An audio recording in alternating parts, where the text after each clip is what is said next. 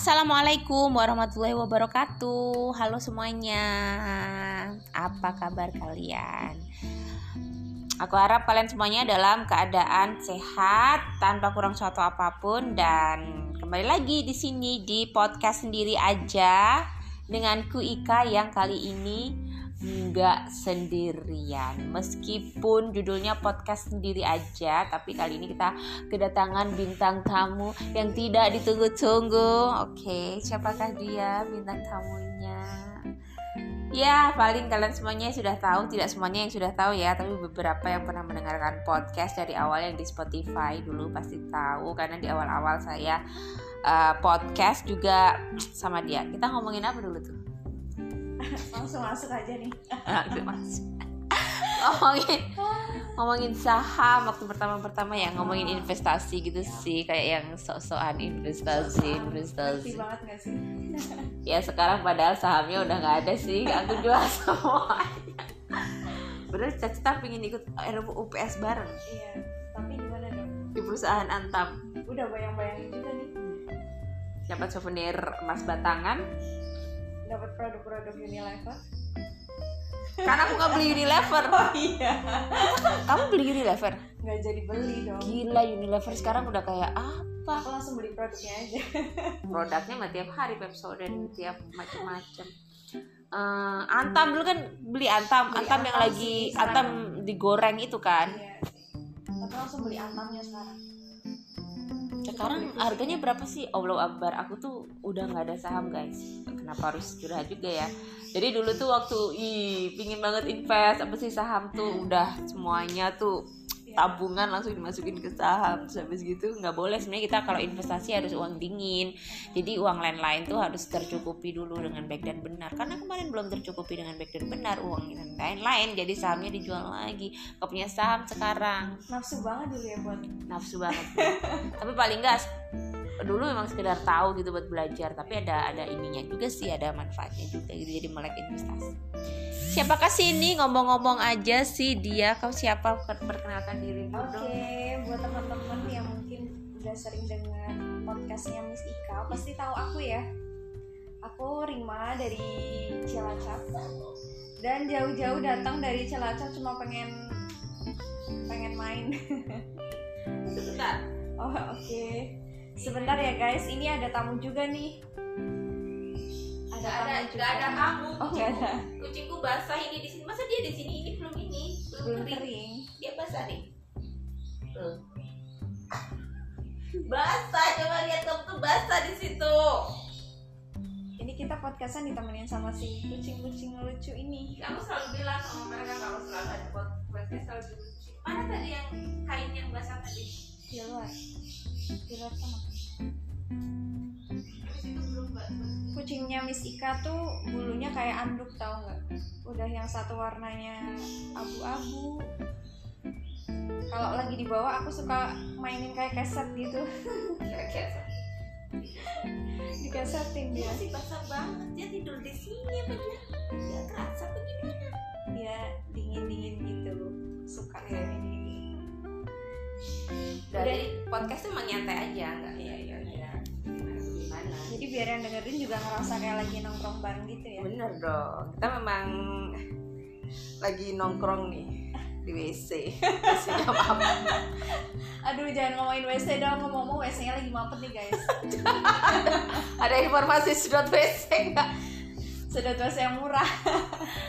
Aduh tapi efektif.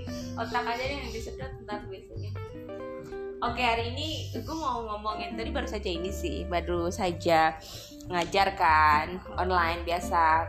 Terus speaking gitu terus ngambil topik bully bully bullying. Terus jadi keinget masa-masa lalu ternyata aku tuh pernah menjadi saksi korban dan juga saksi uh, bullying itu apa tuh kamu tuh? pernah nggak kamu bully-bully gitu? Pernah dong pasti. Kamu pembuli atau masa kamu pembuli sih? Orang selemah lembut kamu membuli eh, kayaknya pertama jadi korban habis itu jadi pelaku nggak sih? Korban dulu ya. Sekarang gue jadi pelaku sih. Iya kan biasanya gitu. Jadi biasanya asal usul pelaku tuh awal awalnya tuh dia jadi korban abis itu oh ini yang jualan donat itu. Enggak maksudnya nggak pakai rombong kayak di Iya, kampung nggak gitu, pakai. Terus begitu dia lewat di depan terus gak dibunyiin dong. Kita nggak tahu kalau itu penjual donat. Aku mana tahu. Mbak dititip-titipin aja ya. Ya dia punya marketingnya sendiri lah oke deh ya. Kok malah jadi ngurusin tukang donat ya? Random banget. Nah tadi mau mau beli donat guys. Oke jadi bullying, gue pernah pernah bully. Jadi waktu aku SD, aku tuh dulu sering ini bakalan kedengeran banyak macam-macam ini oke deh. Aku tuh dulu waktu SD sering diolok-olok sama temanku KT gitu titik KT kalau kamu tuh ayam KT yang kayak celengan gitu gak sih? Ayam KT itu yang kecil itu loh yang kayak bentuk-bentuk jenis-jenis celengan itu kecil. Eh, yang pendek itu yang kemarin kita belanja itu ada lewat tuh itu titik KT gitu. Karena aku tuh pendek anaknya bilangnya KT KT gitu selalu diolok-olok. KT gitu udah. Tapi aku nggak tahu itu bullying apa enggak ya. Karena bullying kan memang ya termasuk bullying pastinya. Karena bullying kan ada yang verbal sama non verbal gitu kan. Terus aku juga menjadi saksi bullying waktu di SMP wow tuh? SMP ku aku dulu kan tinggalnya sama mbah kan. Terus SMP ku tuh lumayan deket 500 meter kayaknya enggak lah enggak 500 meter lah satu kilo lah dari rumah. Dan aku jalan. Jalan itu selalu lewat sawah. Karena yang paling deket jalan alter- alternatif gitu SMP-nya sekolahnya tergolong baru dan aku adalah generasi ketiga. Jadi sudah ada kelas 3 sudah ada kelas 2 kelas satunya kita masuk itu. Udah. Belum ada lulusan-lulusan yang dulu belum ada. Udah baru, baru banget baru dibangun. Nah pada aku kelas pada waktu aku kelas 1 aku kelas 1 C waktu itu. Kelasnya hanya ada 3 ABC gitu. Terus guru kan pasti ada yang kosong kadang-kadang ada yang kosong gitu. Kalau kelas kita kosong kakak kelas kita yang kelas 3 itu masuk ke kelas. Ngapain tuh? Tiga orang kadang dua orang kadang tiga orang. Dia kayak preman gitu kan masuknya. Ayo semuanya berdiri. Kita semua satu kelas berdiri. Semuanya satu kelas berdiri. Terus dia minta duit hanya ke yang cowok-cowok aja. Duit mana uangmu? Mana uang sakumu? Kasih jadi ada yang ngasih seribu ada yang kasih 500 zaman dulu ya masih uang-uang gede gak sih nilainya zaman dulu tuh Iya, gede itu 500, 1000 dikasih gitu gitu. Yang nggak ngasih itu ditonjok. Eh, perutnya ini dipukul terus apa ditampar gitu kadang. Terus kadang diginiin apa palanya ditoyor gitu. Gitu-gitu kalau nggak ngasih gitu. nggak ngasih aku nggak dikasih gitu-gitu pokoknya. Terus kalau sama cewek, dia kalau sama cewek apalagi yang cantik-cantik suka digodain juga. Jadi itu kayak udah premanisme gitu loh di di sekolahanku itu nggak hanya kelas C aja kadang kadang kalau yang kosong kelas B ya kelas B dimasukin. Kadang kelas eh, A juga dimasukin. Terus kita eh, suka curhat gitu ya tadi dimasukin nggak sama si ini? Iya tadi dan dimasukin." orangnya selalu sama ya berarti? Orangnya selalu sama dan itu gerombolan kayak ada lima orang gitu loh yang tapi eh, ganti-ganti yang masuk. Kayak gitu-gitu. Terus sampai guru SMP ku itu ada yang keluar gara-gara ya itu anaknya itu udah parah. Tapi bukan anak kelas 2 ya kelas 3 ini eh bukan anak kelas 3 maksudnya. Kelas 2 ini yang melakukan ini sampai guruku keluar. Nah aku kan suka bahasa Inggris ya eh, dari dulu tuh. Terus guru yang paling bagus ngajar bahasa Inggrisnya tuh Bu Ainun. Asik ngajar bahasa Inggrisnya memang bagus. Dia memang eh, jurusannya bahasa Inggris gitu kan Bu, tapi Bu Ainun tuh pakai kacamata minusnya tuh tebel banget atau mungkin dia juga punya silinder nggak tahu silindernya berapa. Pas mau jalan ke kelas itu kakak kelasku yang kelas 2 itu mainan cermin tau nggak? Cermin tuh cermin tuh kalau ditaruh di bawah sinar matahari dia kan Dia akan memantul. Heeh. nah pantulannya tuh pasti kasih mukanya Bu Ainun udah itu Bu Ainun udah kan dia punya penyakit mata tuh udah nggak bisa mendapat cahaya yang kayak gitu cara mendadak dan ini hampir pingsan kayaknya dia. Besok udah resign Bu Ainun besoknya udah resign nggak mau ngajar di situ lagi. Parah sampai kayak gitu. Dan aku kecewa banget pas Bu Ainun tuh udah keluar. Karena setelah itu guru bahasa Inggris sudah nggak relevan lagi. Udah yang guru matematika disuruh ngajar bahasa Inggris kayak gitu gitu loh. Kan dia nggak expert di bidang Iya itu.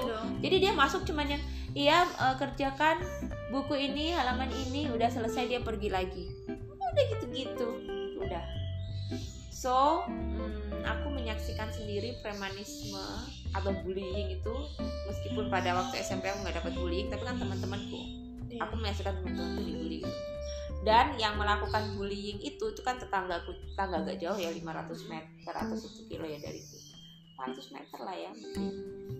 Eh, rumahnya dari rumahku itu dia masuk SMA kan? Dia kelas 1 SMA kan? Dia bullying juga ngebully teman-temannya juga sama kakak kelasnya dibully tau gak eh sama eh, kakak kak, dia yang ngebully kakak kelasnya. Tapi akhirnya dia kalah sama kakak kelasnya juga gitu. Karena dia kan waktu dia kelas 3 akhirnya dia SMA itu ter- terjadi juga terdengar juga peristiwa bahwa dia ngebully yang bawahan eh, bawahannya maksudnya adik-adik kelasnya gitu. Dan waktu udah lulus SMA dia kan ikut kayak kayak di kalau di desa itu kan ada pe- pe- perguruan pencak silat itu kan. Iya. terus ada kelompok-kelompoknya ada yang SH ada yang pagar nusa. Dan dia ikut SH-nya tuh pagar nusa? Aku lupa dah kayak gitu. Dia sering tawuran gitu. Dan dia pernah masuk penjara. Apa gara-gara ngebunuh atau gara-gara tawuran ya? Pokoknya dia ya? pernah masuk penjara. Dia masuk penjara tuh berkali-kali nih anak ini. Jadi dia tuh emang jiwa premanismenya tuh sudah ada dari kecil berlanjut terus sampai dia udah nggak sekolah lagi. Dan eh, ketika dia sudah ada di masyarakat juga kayak gitu anak kasusnya udah tambah ini lagi ya? Tambah kasusnya malah tambah gede. Gede ya? Waktu dia kecil itu kita nggak tahu ya kita sering di- ngobrol gitu sama keluarga sendiri sama tetangga kenapa sih ini anak nakal banget jadi gini? Ah mungkin dia keponakannya polisi gitu kali ya gitu. Karena kan dia pe- keponakannya polisi pamannya ada yang polisi kan. Kalau di desa kan dulu gitu Iya. orang polisi tuh suka dipandang. Dan karena pangkatnya juga tinggi polisinya tuh apa sih dulu mayor gitu sih kayak gitu-gitu. Jadi dia kayak yang orang tuanya itu ya biasa aja yang kayak yang nggak nggak nggak begitu peduli sama anaknya ngapa-ngapain. Maksudnya ada kasus juga masih orang tuanya. Nggak nggak pernah. Orang tuanya fine. Cuman nggak nggak ngebenerin si si akhlaknya anaknya gitu loh gitu. Terus pamannya juga sebagai polisi juga nggak nggak banyak berbuat apa-apa gitu. Terus kayak pak pas sudah pensiun pak. Ya gitu gitu nah kita kalau diskusi sama ngobrol sama tetangga tetangga mungkin karena dia sok-sokan kali ya sombong dia anaknya polisi apa keponakannya Keponakan polisi. polisi. jadi dia kayak mengandalkan gitu gitu karena dia punya backup. Gitu mungkin kayak gitu-gitu. Nah itu eh, bullying yang aku saksikan di my my real life di kehidupan nyata gitu waktu aku SMP SMA ada bullying lagi? Enggak enggak ada. Aku SMA tuh banyak cewek sekolah sekolah cewek gitu SMK gitu. Cowoknya jadi cuma satu dua aja dia bisa cuci mata tapi bisa cuci mata sama sekolah-sekolah samping-samping tapi dari dari cerita itu tadi kan panjang ya maksudnya dari SMP SMA gitu ya Hmm. orang itu masih sama. Yang jadi pertanyaan tuh waktu dia sekolah emang nggak pernah dapet punishment dari sekolahnya atau gimana? Kan pasti dimention dong. Oh iya, oh iya benar, benar. Eh orang tua mungkin sering juga kayak kok mungkin ya aku nggak pernah lihat orang tuanya ke sekolah. ke sekolah, tapi kayaknya harusnya pernah. harusnya bolak balik lah nggak gitu Terus dia juga sering dipanggil ke ruang BP, ke ruang guru gitu. Tapi tetap terjadi lagi, terjadi lagi dan terjadi lagi. Dan aku pernah lihat di depan mataku sendiri dan aku denger tuh keras teriak-teriakan di kelas. Dia tuh ngelawan guru. Gurunya itu kan tetangga kita sendiri juga. Jadi kita tuh sama-sama kayak tetangga. Jadi kayak sekolahan itu tuh diajar orang-orang sekitar desa-desa iya. itu sendiri gitu kan. Memang untuk bagaimana orang-orang di situ tuh eh, bisa berkarya gitu. bisa bekerja di situ tempatnya sendiri gitu kan. Dinasehatin nggak terima dia mau mukul gurunya itu. Tangannya udah begini tangannya udah begini. Terus guruku itu namanya Pak Susanto.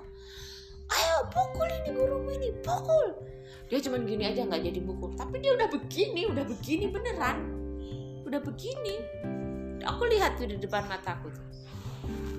Sampai kayak gitu nih anak nih anak otaknya kan beberapa anak ya itu yang sering melakukan minta-minta uang tapi yang paling berani yang satu ini yang Kan preman dia kayak ininya ya kayak kayak gennya ya Heeh. Tahu geng. padahal anaknya putih cakep ya nggak cakep banget tapi putih bagus gitu eh, anaknya itu nggak kayak kayak muka Emang kalau sekolah pada zaman itu pada saat itu di sekolah itu nggak nggak sampai berani ngeluarin siswa ya? Karena dia terlalu racun gitu bang. Mungkin ya eh, nggak tahu juga kenapa ya. Oh, sekarang aja banyak juga kasus-kasus bullying gitu juga anaknya nggak dikeluarin beberapa sekolah ya. Atau mungkin juga karena sekolahku kan baru jadi untuk rating gitu kan. Kalau misalnya ini ter, ini terdengar di mana-mana ada yang dikeluarin apa jadi nggak ada yang mau lagi sekolah di situ ratingnya rendah. Gitu hanya hanya karena alasan itu. Wah nggak tahu lagi ya kenapa. Tapi ini anak oh ini. Oh gini. Ini anak tuh parahnya memang ketika kelas 3 aja. Jadi kan dia kelas 1 nggak ada yang dibully. Siapa paling teman-temannya sendiri? Nggak ada. Dia belum. Belum parah. Kelas 2 belum parah dia. Paling ini kelas 3 ya ngerjain ngerjain ngerjain aja jail-jail gitu. Kelas 3 baru dia senior itu. Gitu Nah ini kenapa sekarang kita ngobrolin bullying gitu kan tadi juga ngajar jadi ngangkat tema bullying karena kan uh, ini lagi viral nih ada anak-anak SMP di Bandung.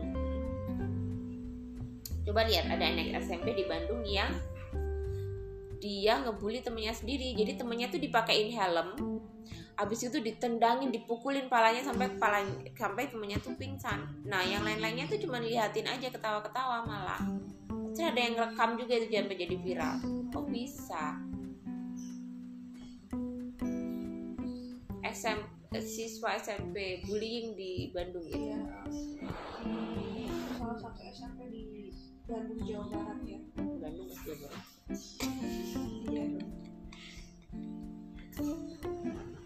Sampai membuat laporan ya ke polisi ya? Heeh. Ya kan ditendangin palanya sampai pingsan. Jadi emaknya tuh eh, orang tuanya yang dibully tuh maunya gini ini anak di dihukum ke sekolah di rumah aja. Karena kan dia udah kelas 9 jadi dia sekolah di rumah aja sampai ujian.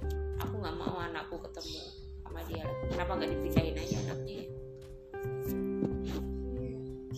tapi ya nggak tahu juga sih menurut kamu gimana? Kalau kamu pernah nggak sih menyaksikan bullying atau menjadi korban atau kamu membuli gitu?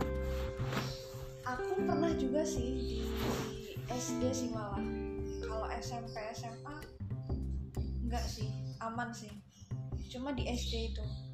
Jadi di SD itu ya nggak tahu sih.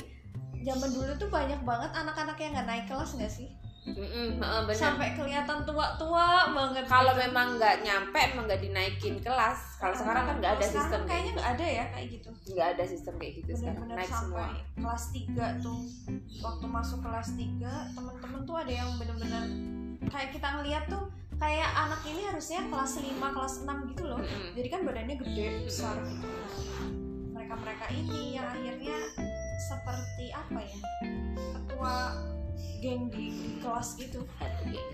udah badannya gede gitu kan terus ya suka suka ngebulinya iya suka ngebully jadi apa ya padahal mereka kan harusnya bisa aja gitu kan kita ejek karena dia kan nggak naik dua kali tiga Hmm. kali tapi nggak tahu kenapa dia itu punya power yang lebih gede dari teman-teman yang lain suka mintain uang terus suka ngejek-ngejek juga nah jatuhlah di aku. Dulu aku pernah juga dapet bullying itu karena apa ya mereka ngelihatnya aku kecil tuh.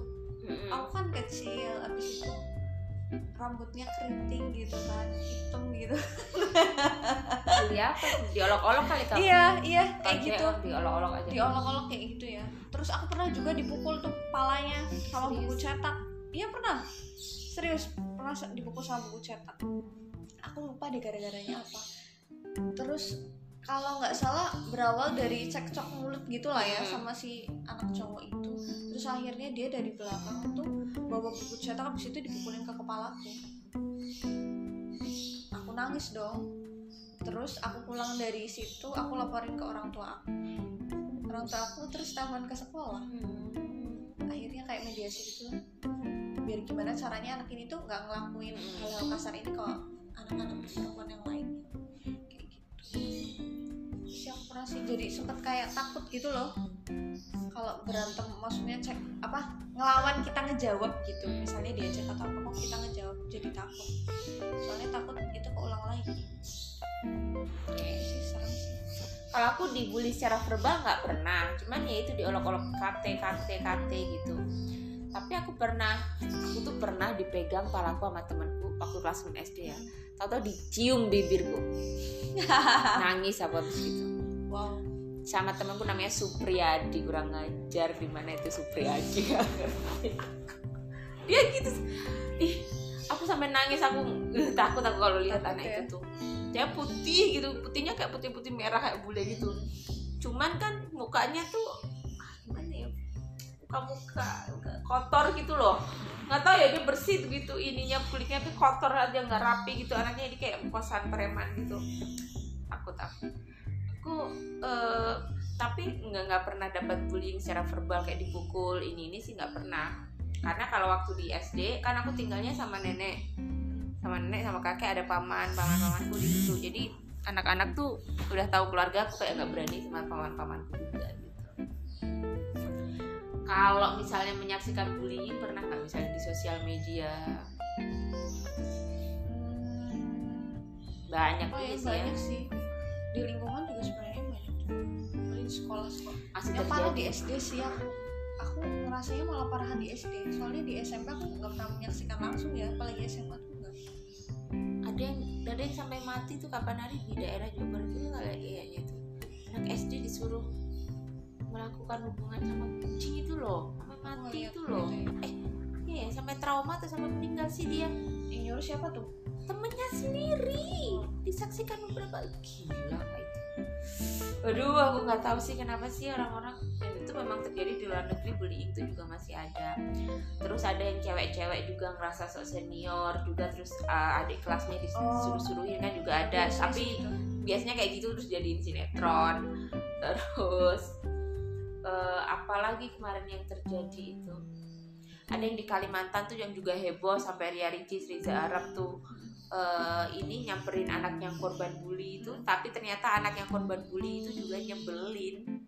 Jadi anak yang korban bully itu kalau kalau dilihat di akun Facebooknya dia ngomong eh, ngomongnya itu jorok-jorok gitu loh. Itu yang dulu ya? Ya, oh yang dulu itu terus Reza Arab terus menang ya deh gini gini datang langsung kan ke Kalimantan Ria Ricis juga Atta juga yang ngasih ngasih itu ya? duit ternyata ini anak juga kurang ajar gitu. Jadi kita juga melihat bullying itu nggak bisa dari satu sisi aja ya. Kita harus melihat dari dua sisi gimana eh, permasalahan sebenarnya apa yang terjadi gitu siapa yang salah sebenarnya. Kita nggak nggak bisa. Memang apa pun yang terjadi misalkan keluarga kita atau teman dekat kita yang dapat bullying nggak nggak bisa langsung menyalahkan orang yang bully gitu loh. Tapi kelihatannya semakin ke sini kan semakin apa ya semakin kelihatan gitu. Kalau dulu kan kayaknya ada bullying cuma nggak di up gitu kan di Hmm. media kan. Kalau sekarang kan lebih ada apa-apa bisa langsung orang-orang tahu kan itu kejadiannya di mana orang-orang jadi tahu. Nah kalau menurut Mustika sendiri eh, gimana sih caranya gitu ya biar misalnya nanti kita punya saudara saudara-saudara kecil punya anak-anak kecil terutama nggak nggak apa namanya nggak jadi pelaku bullying lah. Nggak jadi pelaku bullying tapi juga nggak jadi korban Ah. bullying gitu. jadi dua-dua memang nggak boleh dilakuin juga gitu. Pertama sih kalau bagaimana mencegah untuk tidak menjadi korban bullying ya kita menanamkan eh, apa namanya kepercayaan diri pada anak-anak kita gitu. Kalau ya dia harus percaya diri dia harus merasa dirinya kuat kuat punya kemampuan dan dia bisa gitu. Jadi dia kan nggak akan eh, nggak akan lemah gitu. Terus kita ajarin dia untuk menjadi supel mudah ber, apa namanya suka bergaul atau mudah bergaul dengan siapa pun dengan kalangan siapa pun gitu. Misalkan ada teman-teman kalau satu kelas kan pasti ada teman-teman yang aneh-aneh tuh. Ada yang paling nakal-nakal gitu yang paling suka rame tuh di pojok. Temenin aja mereka temenin ikutin gaya mereka juga. Tapi nggak usah ditemen-temenin banget yang bagaimana. Tetap harus jaga jarak juga. Harus kita harus punya trik-trik-trik gitu. Misalnya diem-diem temenin juga. Kenapa dia diem? Yang pinter-pinter biasanya eh, ada juga yang butuh buku yang semuanya di, jadi semuanya tuh ditemenin. Karena biasanya eh, kalau di sekolahan tuh mereka kan punya geng-geng sendiri gitu Iya, kan. geng-geng gitu. Ini anak-anak yang suka ke perpustakaan baca buku ini yang suka misalnya yang suka uh, olahragaan satunya yang suka macam-macam lah gitu. Harus pandai bergaul juga. Confidence kita tanamkan juga berani sama percaya diri kemudian kita ajarkan mereka untuk uh, pandai bergaul berkomunikasi dengan baik gitu. Terus aku juga mau ngajarin anakku mereka pokoknya anak-anakku nanti itu harus bisa bela diri entah itu taekwondo entah itu pencak silat dan seterusnya gitu. Harus bisa bela diri pokoknya paling tidak untuk pembelaan dirinya sendiri kalau ada sesuatu berbahaya terjadi pada dia. Enggak untuk sombong-sombongan enggak untuk bisa-bisaan pamer enggak untuk bertahan gitu ya. Untuk bertahan aja kalau ada sesuatu yang bahaya gitu. Apa itu oh my god. Ya ampun random banget sih nih kok tiba-tiba ada kecoa lewat ya? Tuh, ini. Diamin oh my god. Ini udah dapet. Oke. Oke jadi barusan ada ada kecoa terus ya udahlah diambil sama kucing kecoa. Terus apa ya kita kita kita tuh harus sering komunikasi sama anak-anak kita. Kita ceritakan peristiwa-peristiwa bullying. Kita ceritakan kita ajak anak kita diskusi. Kita ceritakan beberapa peristiwa bullying yang terjadi di dunia ini e, dampak buruknya. Gitu. Terus kita tanya pendapat mereka. Jadi kita jadi diskusi tuh sama mereka. Gitu. Atau mungkin ini ya uh, kita jadi harus sering nanyain aktivitas di sekolah pastinya gitu ya. selain itu juga kalau selesai sekolah uh, pulang sekolah pas kita makan bareng malamnya kita tanya tadi di sekolah kegiatannya apa aja? Belajar apa aja? Dan seterusnya itu pastinya. Tapi aku juga akan mengajak diskusi gitu loh diskusi tentang hal, satu hal gitu sama anakku dan nanti minta pendapat dia gimana itu untuk mencegah mencegah dia jadi korban bully atau pembuli juga kalau misalnya nih pahit-pahitnya nanti kok dia dapat bullying dia dia udah tahu nih aku dibully mm -hmm. nah cara yang paling bisa dia lakuin apa ya kira-kira yang kita harus ajarin ke mereka kalau misalnya dia udah jadi korban bully mm -hmm. Ya harus berani lapor ke gurunya sama gurunya sama orang tuanya harus berani lapor nggak boleh silent. Itu aja. Keburukan harus diungkap gitu. Harus kalau enggak ya dia yang akan mati atau kalau enggak kan ya dia akan jadi korban terus. Atau temennya yang malah akan jadi korban. Makanya kan tadi kita tanamkan sama dia uh, jiwa-jiwa pemberani percaya diri paling nggak dia ngelawan lah kalau dibully itu ngelawan. Pokoknya kalau benar ngelawan. Satu kalau benar ngelawan. Tapi kalau memang kamu menyebalkan kamu juga mengganggu orang lain ya sudah sepantasnya. Kalau misalnya uh, bukan sudah sepantasnya juga ya maksudnya pasti uh, perlawanan perlawanan itu akan terjadi. Tapi kalau kamu nggak melakukan apa-apa dibully begitu aja ya lawan gitu kalau kamu yang memang menyebalkan ya, udah. Kamu juga salah lagi itu jadi mereka juga di awalnya harus tahu dulu ya kalau ini nih perbuatan bullying gitu ya. Mm mereka harus tahu dulu. Soalnya takutnya mereka nggak tahu kalau itu tuh perbuatan bully loh. Jadi mereka tuh nggak berani lapor gitu. Kan kadang ada yang dia cece ada yang misalnya katakanlah lagi sekolah dijambakin rambutnya misalnya sering ditarik-tarik roknya atau gimana gitu kan. Bagi anak-anak yang nggak ngerti itu itu memang nggak seharusnya dilakukan kan kadang lah mungkin jahil atau apa gitu. Padahal kalau dibiarin kan bisa jadi kebiasaan kan si temennya itu. Benar makanya aku tuh aku tuh banyak sekali ya kita kalau ngobrolin tentang pendidikan di Indonesia tuh nggak akan usai gitu. Tapi aku percaya nantinya Indonesia ke depannya akan menjadi lebih baik tentang apa pun itu juga termasuk pasti tentang pendidikan gitu. Uh, aku sempat bermimpi tuh pingin merubah banyak sekali kurikulum di Indonesia. Yang kita tuh nggak usah perlu belajar X pangkat dua kita nggak kita nggak nggak praktekin itu di kehidupan nyata gitu. Terus apalagi tentang tumbuhan fotosintesis ah segala macam kita ini nggak apa namanya menggunakan semua pelajaran itu nggak sekarang? Enggak kita yang kita gunakan pendidikan-pendidikan seperti itu ketika nanti terjun di masyarakat.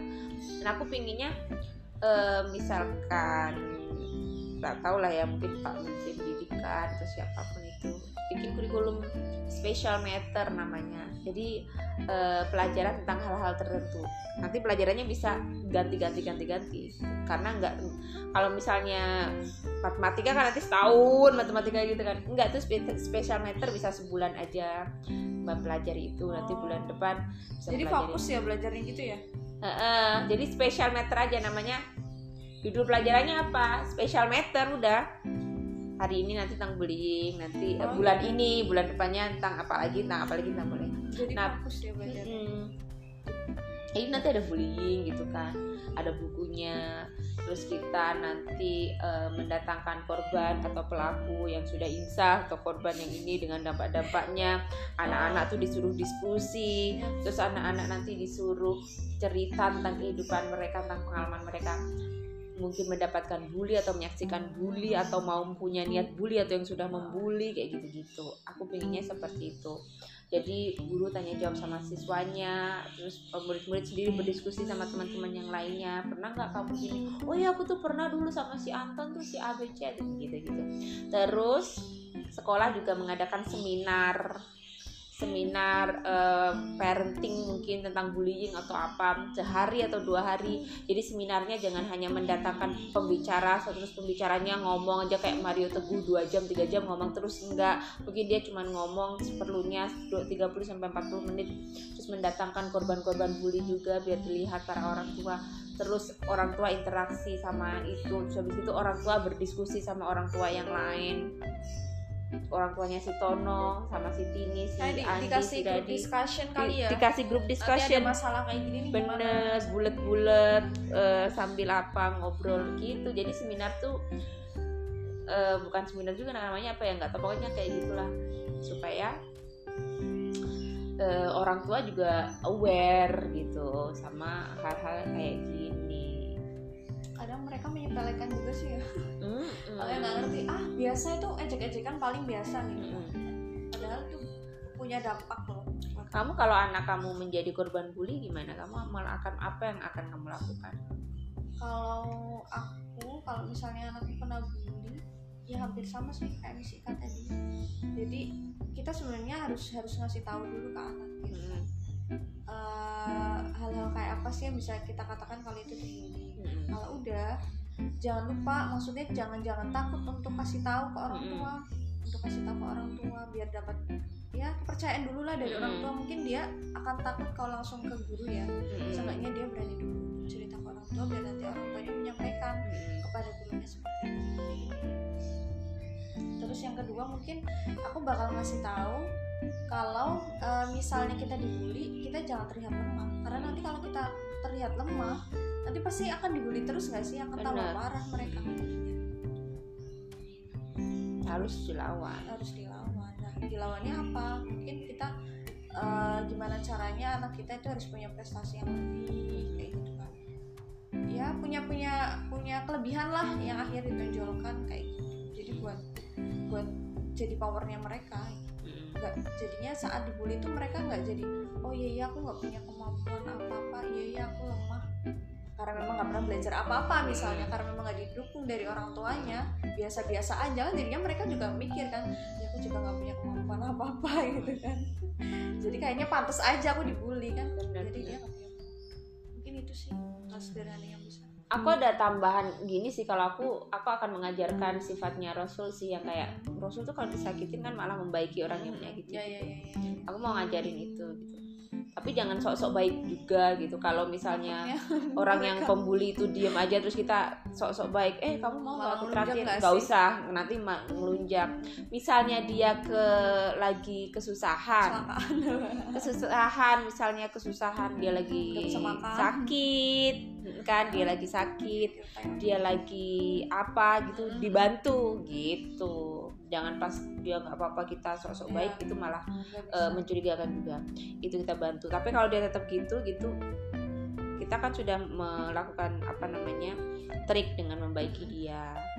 Kalau sudah kita baikin baikin baikin tetap aja dia kayak gitu baru dengan lawan ini sambil pastikan kita kita baikin kita doain. Kita ajarkan anak-anak kita sifat rasul kayak gitu.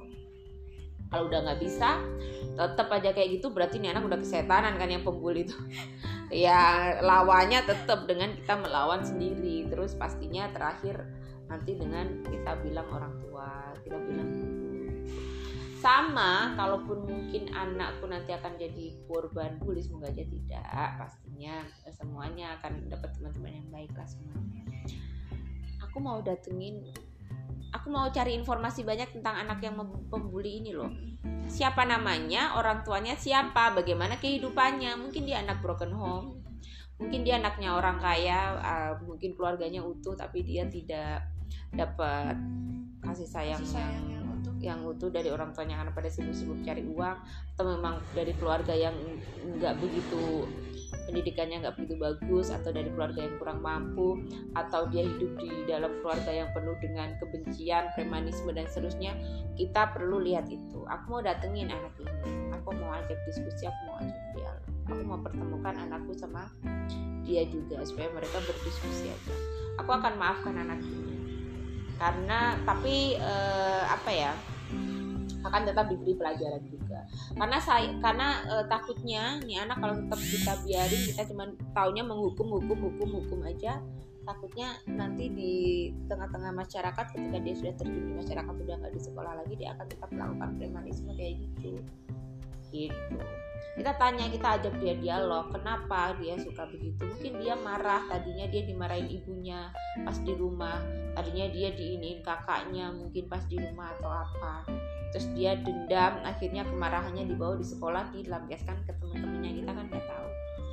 Kita kita bantu anak ini. Tapi kalau sudah kita bantu aku akan kasih kesempatan tiga kali. Kita uh, sekali dia melakukan itu kita maafkan kita bantu dia kita uh, mungkin kasih uh, nasihat kita berdialog sama dia BCD melakukan lagi dua kali kita masih kasih kesempatan. Tiga kali udah nggak bisa benar-benar memang harus dihukum. Memang benar-benar harus dikasih uh, hukuman yang berat. Gitu itu kayaknya juga harus kerja sama ada kerja sama yang baik sama sekolah ya. Pasti. Soalnya kalau sekolah nggak nggak melek tentang itu tentang mm. bullying ya susah juga kita. Mm, benar sekolahnya juga harus bagus kalau sekolahnya bagus pasti guru-gurunya juga nggak bagus pasti ngerti juga gitu. Ini bullying ini terjadi di mana-mana loh. Yang yang uh, di luar negeri juga banyak tuh malah. Banyak banget gitu apa film-film tentang bullying-bullying itu. Terus pernah terfikirkan misalkan gini. Oke okay. kalau misalnya anak kamu yang pebuli gimana ya kalau anakku yang ngebully terus tiba-tiba aku dapat informasi nih dari sekolah gitu -hmm. ya hal yang pertama pasti aku ajak ngobrol lah. Kira-kira aku aku cari dulu penyebabnya ini kenapa kok anak jadi suka bully gitu kan. Teman-temannya oke yang pertama mungkin yang di, harus dikoreksi yang di dalam keluarga ya. Mm-hmm. yang di dalam keluarga ini kita gimana uh, kondisi di keluarga gimana terus kemudian mungkin kalau keluarga masih oke okay, teman-teman semuanya kayak apa teman-teman mainnya kayak apa kan kayaknya perlu perlu juga di, dicari tahu di mana sumbernya sehingga dia bisa melakukan bullying ini. Hmm. ataupun dia punya ketraumaan masa lalu kita juga nggak tahu kan berarti harus harus di ini sih harus di harus dicari tahu. Nah kalau udah dicari tahu kayak gitu hal yang bisa dilakukan kalau memang nggak bisa dirubah sifatnya itu tadi kembali lagi kita harus cari kasih hubungan ke dia. kan bisa berpikir yang detail lagi bisa. Mungkin nanti kalau udah dihadapin mungkin ya astagfirullahaladzim mungkin ya. jadi jadi tahu. Jadi. Paling itu sih gambaran besarnya yang bisa kita lakukan. Mm soalnya kalau anak nakal itu kan nggak cuma terpengaruh dari satu sisi ya. Mm soalnya kan kalau pendidikan kan itu kayak segitiga gitu kan. Mm ada orang tua ada ada ada guru. guru sekolah lah. sekolah gitu kan semuanya aku juga kalau misalnya ya terjadi kayak gitu ya sama juga kayak kamu tapi aku punya punya ide lain misalnya anak punya melakukan kesalahan bullying itu kan fatal gitu kan. Aku akan tukar nasib.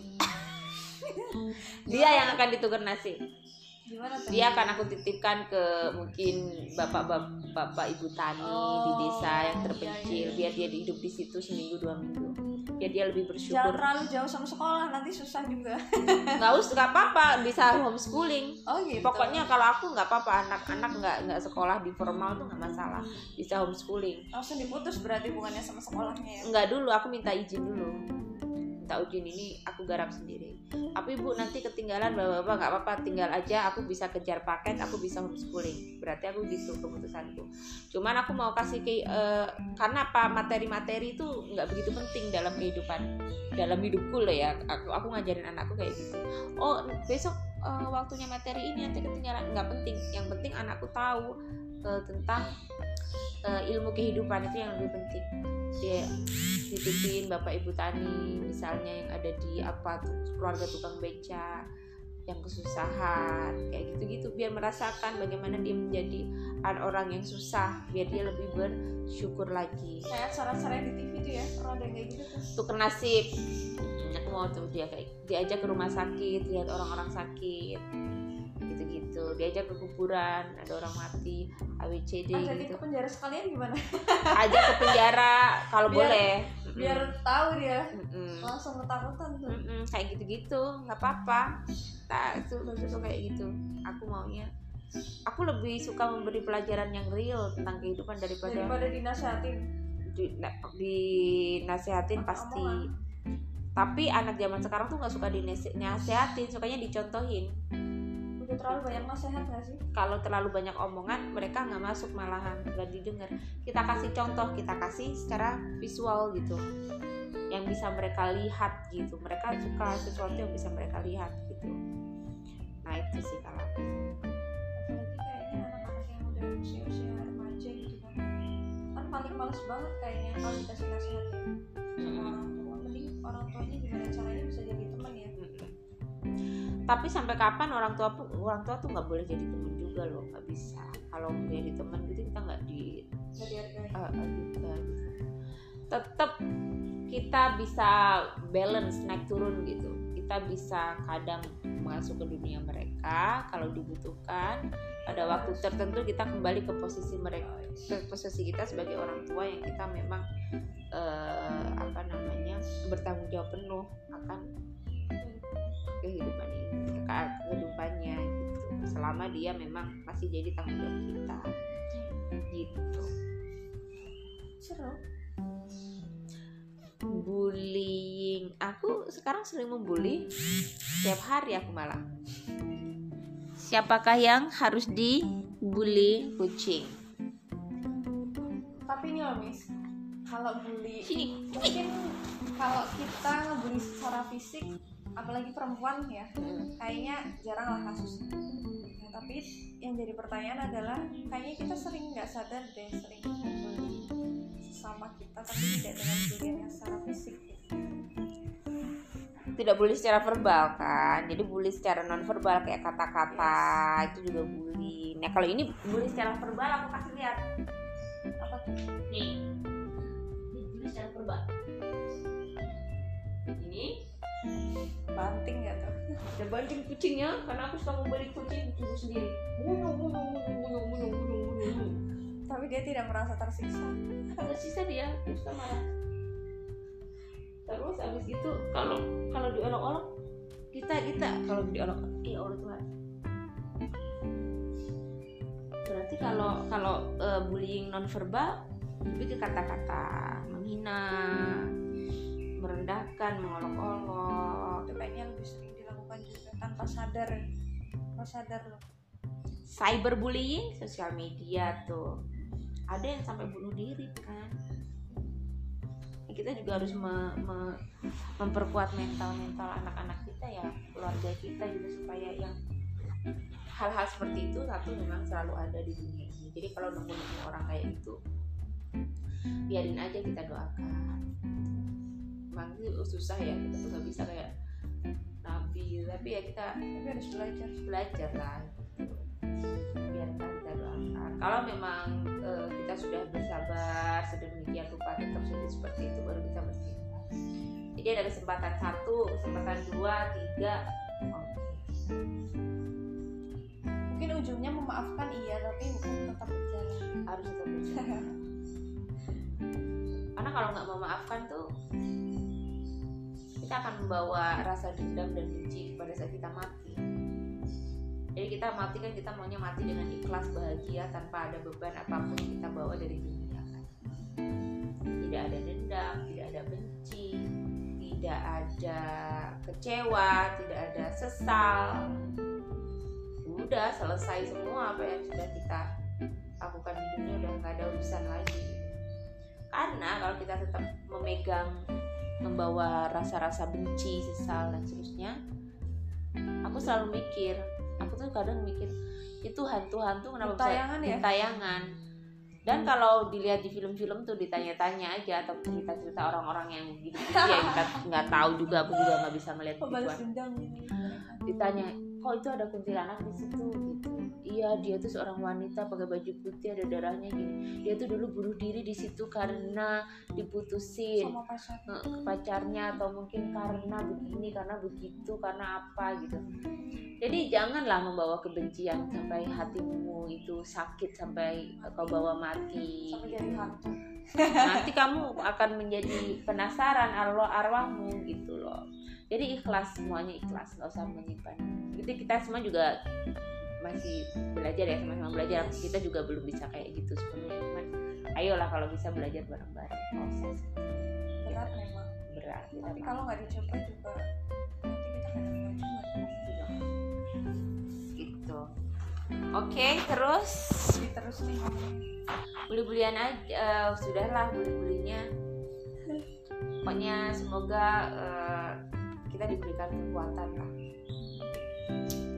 kalaupun ada hal-hal yang terjadi pada kita. Jangan jangan berdoanya jangan ya Allah lancarkan hidupku gini. Enak aja siapa lu? Sih? Berikanlah kekuatan ketika ada hal-hal yang terjadi sama kita. Supaya ya karena hal-hal yang terjadi sama kita tuh adalah pelajaran untuk ujian kita untuk pelajaran kita. Seperti ini. Hmm. oke? Oke jadi apalagi? Jadi Ya. overthinking nih aku. Jadi mikirnya nanti kalau udah anak udah berguling gimana? Nanti kalau anakku jadi pelangi gimana ya? Tapi mungkin Ya. aku juga gimana ya? Aku ini orangnya agak kasar gitu kan ya. Agak ceplas-ceplos maksudnya. Jadi untuk siapa saja yang mendengarkan podcast ini buat teman-teman semua yang men- mendengarkan podcast ini yang barangkali juga pernah mendengarkan atau mendapatkan ceplas-ceplosannya mulutku ini aku mohon maaf gitu. A- a- a- kalau mungkin hal-hal seperti itu kalian sebut bullying gitu. Karena pastinya manusia tuh nggak ada yang sempurna. Terus mungkin aku tidak ada niatan untuk menyakiti secara langsung pengen menyakiti kalian menyinggung atau apa pun. Tapi kalau memang dirasa itu menyakiti atau menyinggung kan aku juga minta maaf gitu. Soalnya kadang kita kalau aku suka Nggak sengaja. nggak sengaja nggak- sengaja semua itu jadi itu ah, mohon dimaafkan Oke, itu saja untuk podcast kali ini. Jadi memang belum sarapan. Setelah podcast ini mau makan Iya. dulu, mau sarapan. Habis bersih bersih guys Habis bersih-bersih, jadi tadi rumah dipel, di di vakum di vakum manual. Di- Oh, pokoknya rumah ini tadi dibangun lagi secara langsung oleh Kak Rima ini. dibangun Dibangun secara langsung. Ya, Oh ya, eh, aduh aku tuh udah gak sabar dengan project-project. project-project selanjutnya spill spill nggak tuh Belum bisa di spill. Aku udah spill di podcast Oh, udah yang sebelumnya tentang project yang akan aku bikin. Pokoknya aku lagi menciptakan lagu nih guys. Gitu doang. oh Cuman- doanya semoga lancar Yes. Lagunya yang tahu status statusku story WA sama Instagram paling nggak itulah. eh, Panjang banget sih. refnya. dikasih tahu ini ya refnya itu ya gitu kalau mau tahu refnya doang. nggak dikit aja gitu biar mereka penasaran terlalu panjang sih menurut kayaknya di IG itu kan. Oh mereka kan juga nggak tahu mungkin juga itu dikira lagunya siapa. Belum yang cuma yang dengerin Cuma yang podcast dengerin ini doang yang bakalan tahu gitu. Langsung nyari nyari nih IG musik. Belum belum oh iya bener. Kan udah selesai kalau uh, udah hari ini doang nggak akan terulang lagi. Oke okay, dah semuanya terima kasih. Ya sehat-sehat buat yang ngedengerin semoga Amin. dijauhkan dari orang-orang toksik. Kalau misalnya di deket kalian ada orang toksik semoga kalian dikuatkan lah. Kalau dia sendiri yang toksik? Semoga kita bisa sembuh dari toksik itu sendiri. Mm -mm. itu jangan sampai lah jadi apa ya racun untuk orang lain ya. Yes. Jadi jadi orang tuh yang sehat.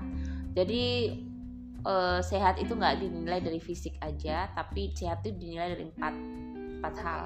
Empat hal. Satu, ya. sehat secara yang kelihatan mata aja ya. Jasmani. Sehat secara jasmani, jadi fisiknya harus sehat. Oke, karena kalau fisiknya nggak sehat, susah juga ya kita untuk bekerja, untuk berkarya, untuk beribadah agak kesus kesulitan. Kedua sehat secara mental. Percuma kalau fisiknya sehat tapi mentalnya nggak nggak nggak sehat, toksik terus pikirannya selalu uh, apa ya hal yang negatif yang dipikirkan. Nah, uh, kalau udah jasmaninya atau fisiknya sehat, mentalnya juga sudah sehat, lingkungan harus sehat juga. Percuma juga kalau jasmani kita sehat, fisiknya sehat, mentalnya udah sehat, tapi lingkungan gak sehat.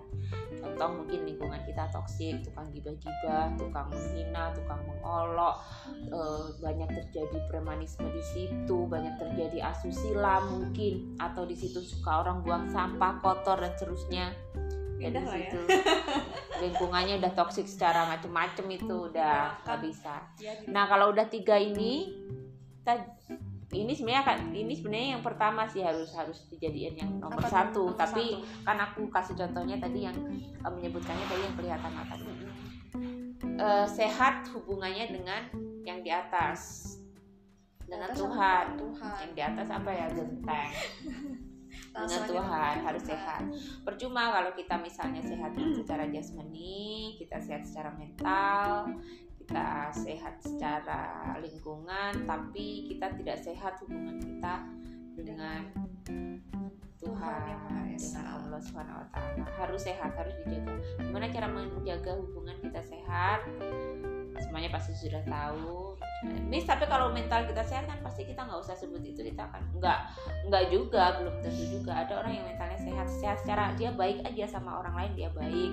Sama diri sendiri dia baik tapi sama Tuhan kan dia cuek pernah menghubungi Tuhan. Padahal yang mengajarkan kebaikan itu Tuhan. Nah benar itu Habib tuh? Habib Ja'far.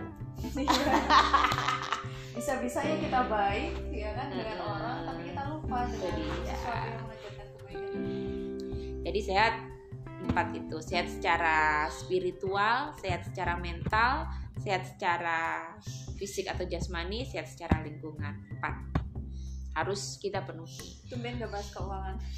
keuangan karena sekarang sedang ini kan beberapa oh. beberapa podcast terakhir membahas tentang kesehatan keuangan. Bukan kesehatan keuangan lagi, tapi buku-buku yang pernah aku baca. Oh. Terakhir kali kayaknya apa ya kemarin bukan terakhir sih podcast yang mana yang mana ya itu ngebahas tentang bukunya Mardi Kuowi yang aku pernah baca. Sontoloyo ya? Ada tiga tiga itu orang kece banget sih. Kece sih dia emang kece. Gue salut ya orang-orang kece gitu. Jadi menumbuhkan jiwaku ingin ber menjadi pengusaha. Keren pengusaha tuh. Tapi aku juga ingin berkarya dulu nge-branding lah. Nge-branding diri dari karya. Kalau udah kita dapat modal dari situ kita bisa berusaha ya orang kan caranya caranya ya, sendiri sendiri kalau mau jadi pengusaha dulu yang langsung mau jadi pengusaha ya silakan nggak apa-apa. Kalau aku kan mau nge-branding diri dulu gitu. Yang penting jangan berhenti untuk berproses.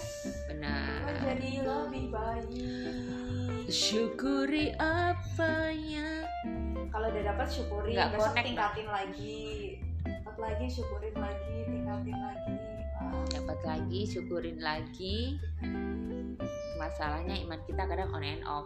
Ya nggak apa-apa manusiawi. Manusiawi ya. Tapi jangan off terus. Yang penting jangan kehilangan iman ya guys. Jangan. Jangan iman. Harus terus kayak lagu tuh. Naik turun naik turun naik turun itu. Nggak jelas lama-lama nih. Emang udah mau selesai ngomong lagi banyak oke terima kasih semuanya. Terima kasih lagi yang sudah mendengarkan. Didoain yang baik-baik buat yang dengerin buat yang podcast juga. Terima kasih atas waktunya sudah mendengarkan podcast ini dan eh, semoga kalian juga bisa membuat podcast podcast yang lain supaya kalau kalian punya unek-unek mungkin kalau yang suka nulis-nulis kalau yang suka ngomong ngobrol sama temen kalau yang suka ngomong sendiri mungkin juga eh, ngomongnya lewat podcast. Jadi Yes. kalian ada karya gitu. selamat berkarya buat kalian semuanya. Selamat beraktivitas dan kita akan ketemu lagi di podcast selanjutnya, selanjutnya tahun depan. Minggu Tahun depan. Dan eh, apakah minggu depan podcastnya sendiri atau ada temennya kita lihat Nggak tahu. saja. Nanti tapi aku mau spill aku mau bikin podcast tentang paranormal experience. Wow.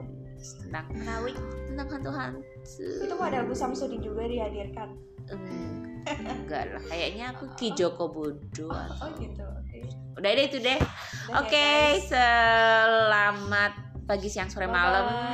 Dan assalamualaikum warahmatullahi wabarakatuh. Bye, -bye. salam warahmatullahi wabarakatuh. Dadah semuanya.